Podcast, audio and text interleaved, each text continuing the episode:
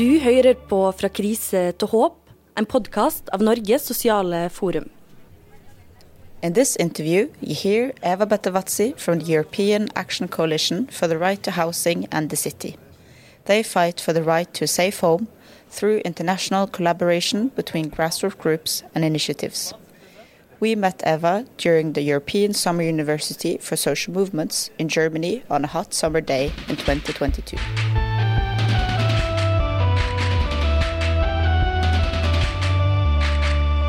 My name is Eva Betavatzi. Um, I work for the European Action Coalition for the Right to Housing and to the City. Um, it's a network of 34 organizations. Actually, it's grassroots movements uh, from 20 different European countries um, that fight against evictions, uh, for the rights of the homeless people, uh, for uh, the right of tenants, and so on. Uh, many, many issues they are fighting for. Uh, and uh, my job is to facilitate. Uh, I'm with another person doing this job to facilitate the communication and the work between all these grassroots, grassroots movements. How did the Action Coalition for Housing and the Right to the City start? Was it right? Did I say it correctly? Uh, yes, uh, almost. It's a very long uh, name.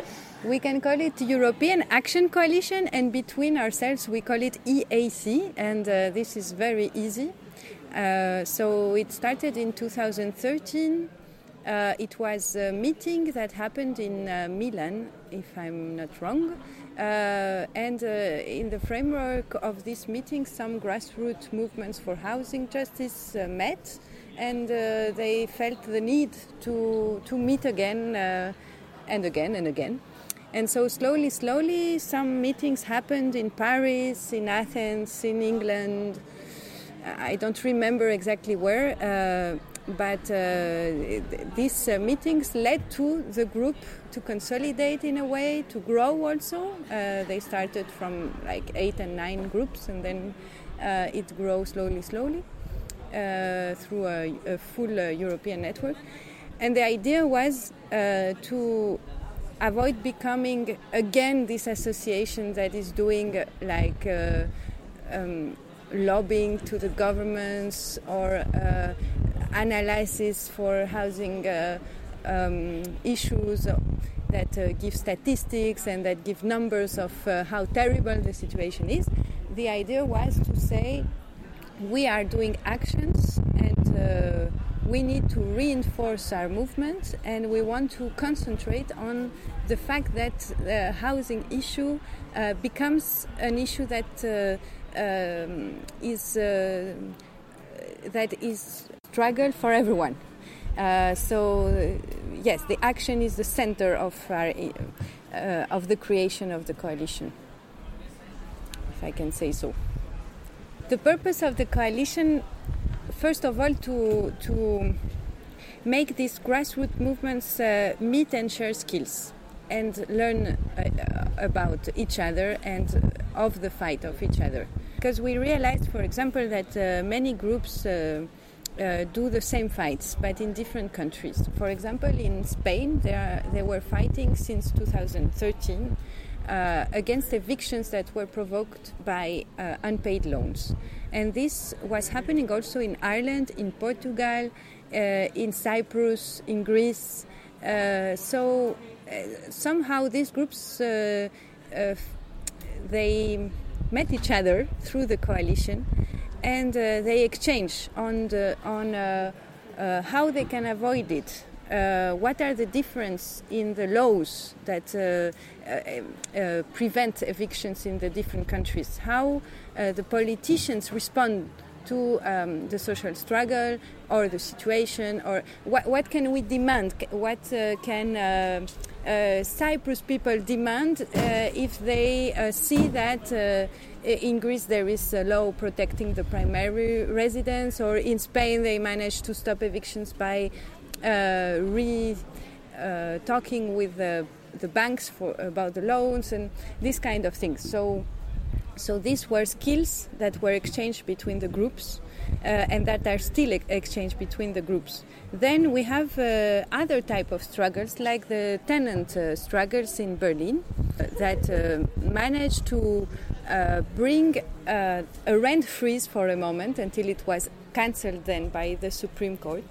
but we see that rent became a big issue there and uh, that uh, inspired a lot of uh, tenant unions and and also associations all over Europe. So everybody wanted to see how did Berlin manage in so uh, such a short time because the movement in Berlin 10 years ago was not that huge that today. So how did they manage in 10 years to, to gather all these people with whom they worked, how they organized, um, and these are skills that uh, we needed to share. Uh, so this is the first pur- purpose to share the skills and to share the knowledge of the situation in each uh, country.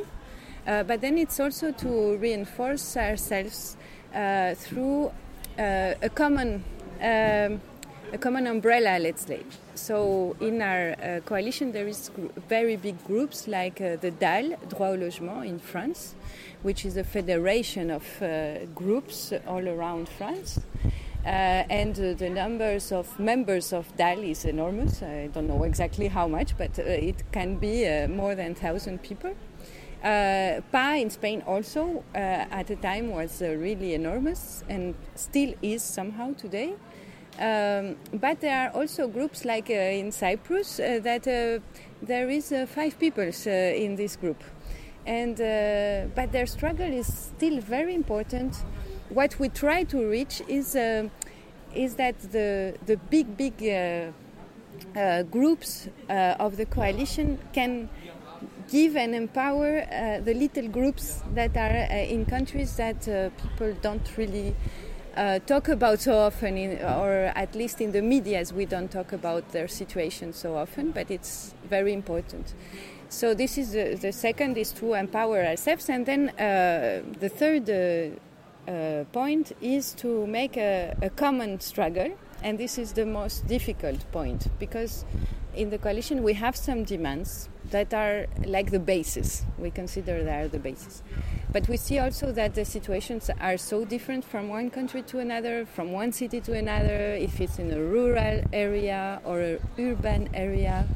Um, so uh, we, we see that uh, the, the demands we have are, are okay are the basis, but uh, what we can do is uh, common action. And uh, one of the actions we are organizing is, is, the Housing Action Day, which is at the end of March. It was historically a day where in France they were doing demonstration for housing justice because it was the end of the winter truce. Um, and uh, they started to do also demonstrations in Berlin somehow at the same period. It was beginning of April. And so France and Berlin uh, said, okay, we are doing demonstration for housing justice almost at the same moment, so maybe we should do it uh, in common. We should choose a date and, and do it together.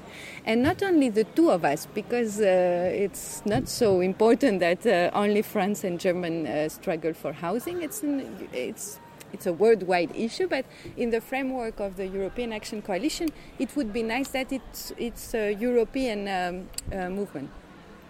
And uh, here I just want to say that uh, our vision of Europe is not the one of the European Union, because we also have uh, groups uh, from Serbia, uh, groups from United Kingdom, uh, and also we are in contact with groups from northern Cyprus and with groups from Turkey.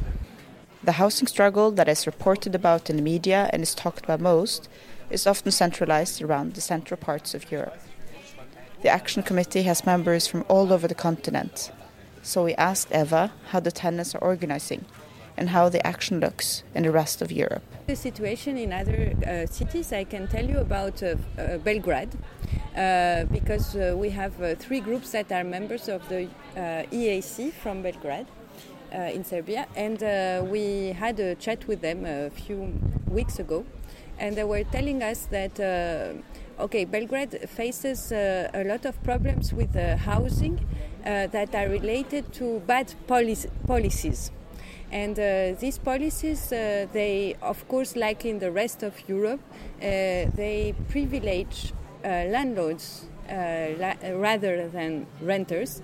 And also, there is a big growth in um, rise, sorry, in prices like uh, in the rest uh, of Europe. But uh, the difference is that they don't have a lot of um, investors like in Berlin or in Barcelona, these big real estate funds that come. What they face is a lot of mafia. And and a lot of corruption in uh, politics, uh, as I understood. Uh, and they say they don't have so much problem with uh, gentrification, but uh, they have a lot of problems with evictions, uh, with uh, violence uh, during the evictions, uh, with bad contracts, with fraud during a, a, mortgage contract. This kind of, of, of problems, which are very, very which are very, very serious actually, and which have consequences that we also face in Europe. Yes. Uh, so this is for Belgrade, but uh, I can tell you also for Turkey, for example, because uh, two, uh, two or three years ago we had a meeting in Berlin in 2019 and uh, some comrades from uh, Istanbul came uh, to see us and told us that uh, because of their participation to the Gezi Park uprising, uh, which was uh, the you must know the Gezi Park uprising, but just to, to resume for those who don't know, it was in 2013 time when the Turkish government decided to gentrify the center of Istanbul and uh, particularly to transform the Gezi Park into a big shopping mall. So there was uh, people who reacted to it and occupied the Gezi Park, but it was not uh, 1,000 people; it was 1 million people. So it was a huge uh, resistance movement uh, that included a lot of uh, parts of the population. it was very impressive. So the, the government uh, didn't like it, of course. Uh, it was uh, very much repressed, and some uh, activists were arrested. And uh, um, in 2019, some of them came to see us and told us we have a problem. Uh, we are faced with a trial, and we will have. The, we have the risk of a sentence of a lot of years of prison. so we need some help and the, the, coalition launched a petition, a, comp- a petition uh, to uh, ask for uh, the cancellation of the trial and uh, the the activists uh, must be free. This was their demand. Um, of course, uh, we managed to gather like more than 25,000 signatures, but uh, the, Euro the, Turkish uh, government didn't take that into account, uh, and uh, they were sentenced uh, three months ago. Uh, nine persons were sentenced, one, one, with a lifetime sentence, and the eight others, I think, were sentenced with like 17 years, and they were condemned for supposedly organizing the uprising, but the thing is that uh, so so the repression uh, that is faced in some countries, like uh, in Turkey, is huge, and and this is something that also concerns housing movements and anti-gentrification movements in Europe because uh, these persons do the same struggle than we do. Uh, the the politics they face, they are very much uh, um, similar to the politics we we face in terms of uh, uh, real estate uh, investment, how much the government supports gentrification and all this stuff. So so it's very important to to be soli- in solidarity, uh, but not only in solidarity. What we try to do now is to have uh, also tenant union from Turkey to to work with us that we we can not only uh, support, but uh, learn and do actions together. The Action Coalition organized a meeting in Athens. Uh, This uh, meeting is one of the meetings we are organizing every semester uh, for uh, the grassroots movements to meet, uh, to have workshops, to have discussion, to plan activities, uh, to to plan for the next housing action day. Uh, so it's uh, times like this, and it's also times where uh, local groups uh, from each city where uh, the meeting uh, takes place. So this time it's Athens, last time it was Brussels, before it was Andarabia in the Basque country of Spain. Um, and uh, each time uh, we try to gather also the, the movements, the local movements, and uh, make uh, uh, like uh, uh, pe- people meet uh, each other. We asked, what is the most pressing issue for tenants in Europe right now? So the most pressing is the rise in prices. Uh, this is uh, very uh, problematic, uh, not only in the prices of rents, but also in the prices of energy. Uh, I just want to say that uh, the, the struggle of tenants is a, a struggle of uh, um, the majority of the Central European countries because uh, many countries in the periphery they also have uh, tenant struggles, but it's newer. Uh, so, so there is also um, poor owners uh, in Europe, and this is very important to to, to say because uh, renters are not always the poorest. Uh, everything is very relative. Um, so yes, I think the, the rise in prices is the main issue for the moment, uh, but this uh, uh, brings us to many other issues because uh, if prices go up, this means there is uh, a lot of people who must pay more money, more part of their income in housing. So less part of their income in all the other needs they have, or they must indebt themselves to cover the other needs they have, or to cover the rent. So this is one uh, big, big issue, because uh, rents and income are interrelated. Uh, one uh, of the girls who were speaking uh, in one of the forums here. Uh, she was saying that we should ask for a rise in uh, in wages. Uh, I think uh, it's uh, partly true, uh, but I don't know if uh, we can solve the housing problem by uh, rising the, the wages, uh, because we have to lower uh, this big bubble that was created of prices that was created in the rental market and uh, in the market for real estate. Uh, buying a house today is almost impossible in some cities, uh, or it is impossible in some cities with a normal wage.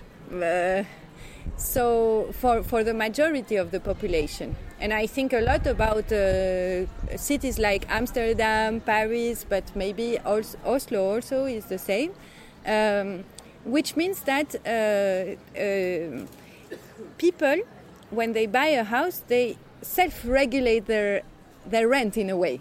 Because they know that for the next 20 25 years that they have a mortgage they will pay this amount of money for their for their house.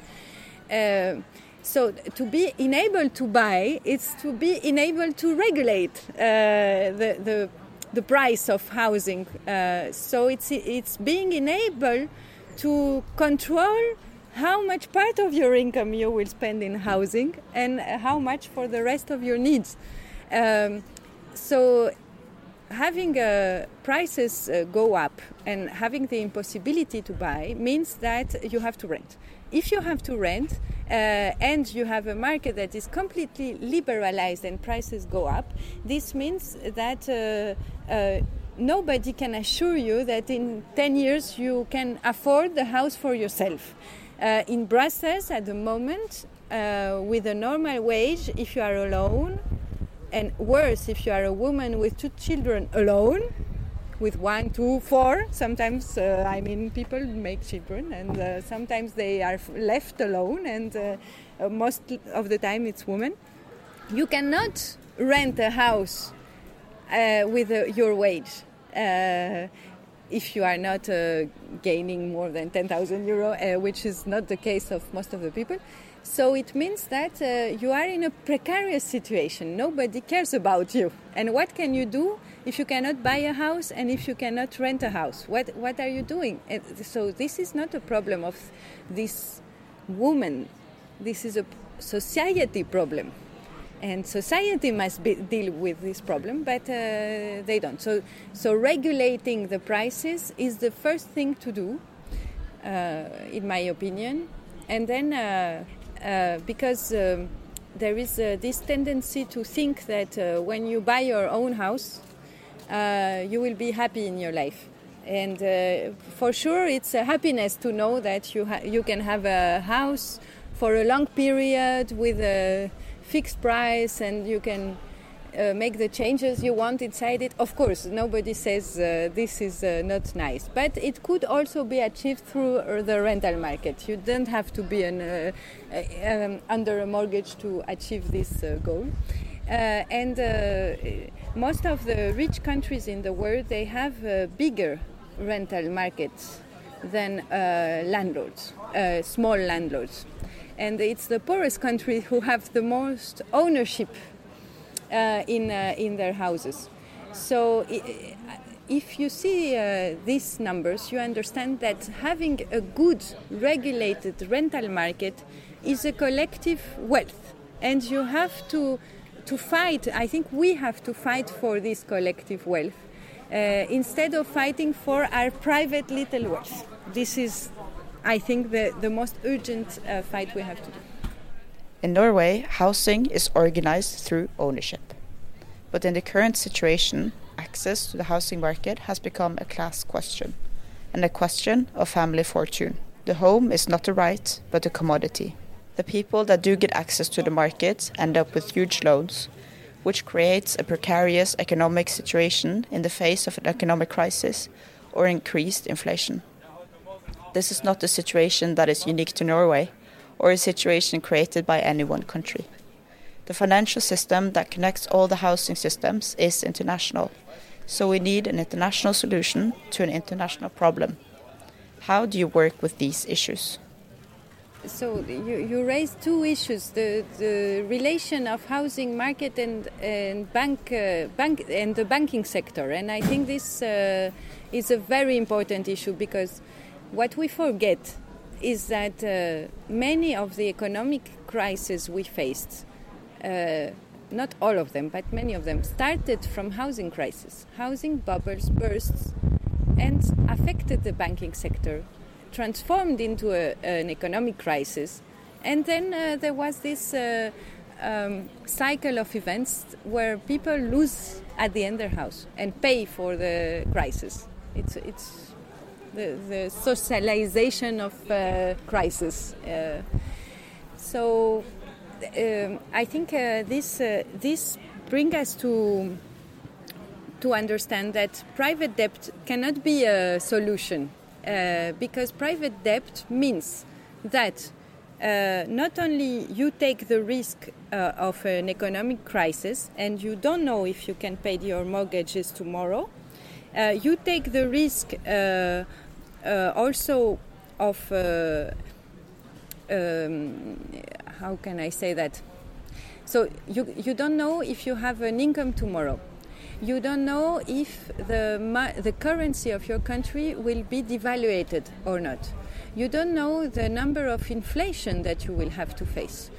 So when you take a mortgage and you engage for 20, 25 years, you engage yourself to support the consequences of inflation, of uh, currency development, of uh, economic uh, crisis leading to an um, um, wage decrease or uh, job insecurities or you take into your shoulder something that you cannot control that is completely controlled by the uh, financial market so taking a mortgage doesn't mean I have four walls around me and a roof and I can decorate my kitchen as I want. It means this other thing more.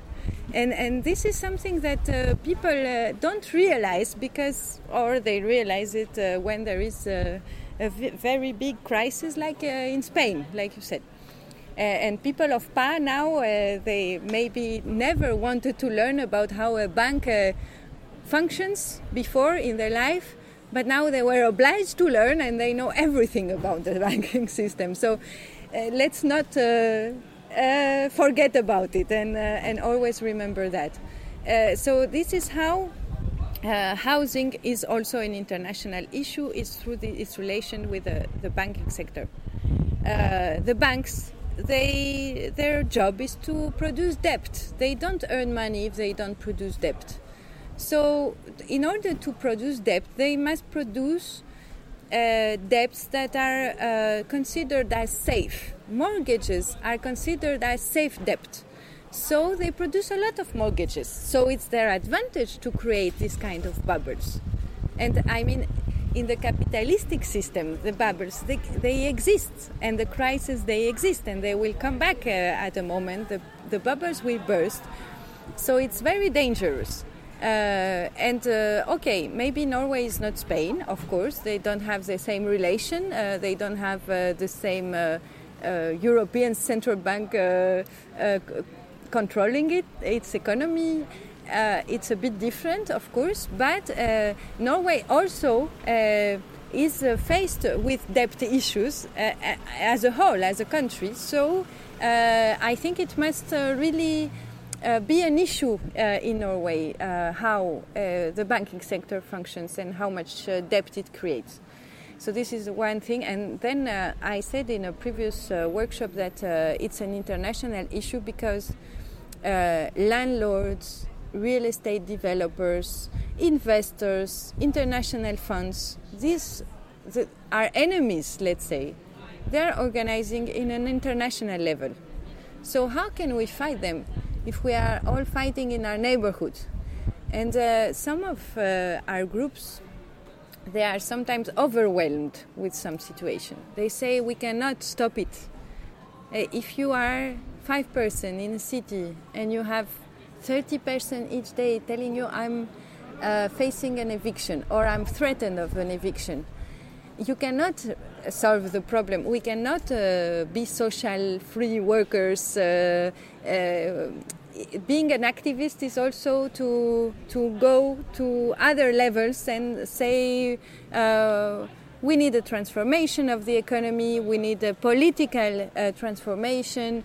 Uh, we want a systematic change. This is also being an activist without being absolutely uh, not in the field. The field is, is the source of, uh, of the fight, I think. But, uh, but also in the field, some, sometimes you are overwhelmed because you cannot solve the problem. The problem must be solved on a pol- political and economic level. So uh, this is also why uh, it is very important to act on an international level and why the European Action Coalition is uh, willing to to act on an international level as well. We asked, how can Norwegian activists and groups get organized with the Action Coalition? Okay, so uh, for the Housing Action Day, um, actually each country organize what they want. We announce the date, we send some uh, graphics. If you want, you use them. If not, huh? Uh, it's your choice. We are, um, we diffuse a call uh, that is uh, most of the time adapted by the local groups to the situation. So we invite you to to um, also look at our website, but also send us an email. Uh, on our website, you can find our email info at housingnotprofit.org, and. Um, uh, we'll send you all the information so you can participate to the Housing Action Day. And uh, there are many, many ways to act. Uh, some people uh, did last year, uh, I think it was a group from Cluj-Napoca in Romania. They did a tour with a bus uh, of the neighborhoods um, and sensibilized the people of the question of housing through this tour. Uh, in Brussels, there was 1,000 people in the street doing a demonstration, which for Brussels it was uh, the first time uh, since many years that there were no demonstration for housing justice, and it was a nice moment. Uh, and then uh, the, okay, in France and Berlin it's huge. I don't want to talk about it. don't don't compare yourself. Uh, in Cyprus, uh, people uh, they or in Athens also. Uh, they used banners and they went uh, to do actions in front of symbolic places. Um, uh, so sometimes people organize discussions on that day and what's happening is that uh, our communication team gather all this information of the groups that did uh, one thing or the other, and uh, we try to communicate it. Uh, to one another, but also to the media and to the social media, so on our website, all these things. So it would be really nice to have Oslo or any other town or city of Norway with us uh, next year. Tusen takk for at dere har eh, lyttet eh, helt til nå. Dette er siste episode med liveopptak og turreportasjer med Fra krise til håp for denne gang. Vi kommer til å slippe månedlige episoder den siste søndagen i måneden, fra og med slutten av februar. Det kommer til å bli fokus på kvalitet fremfor eh, kvantitet. Og vi skal snakke med flinke folk om spennende temaer og ha mange gode samtaler i studio. Følg med videre. Du har hørt podkasten Fra krise til håp fra Norges sosiale forum. Er det spørsmål til denne episoden, kan du sende det til podkast.globalisering.no. Flere episoder hører du der du hører podkast.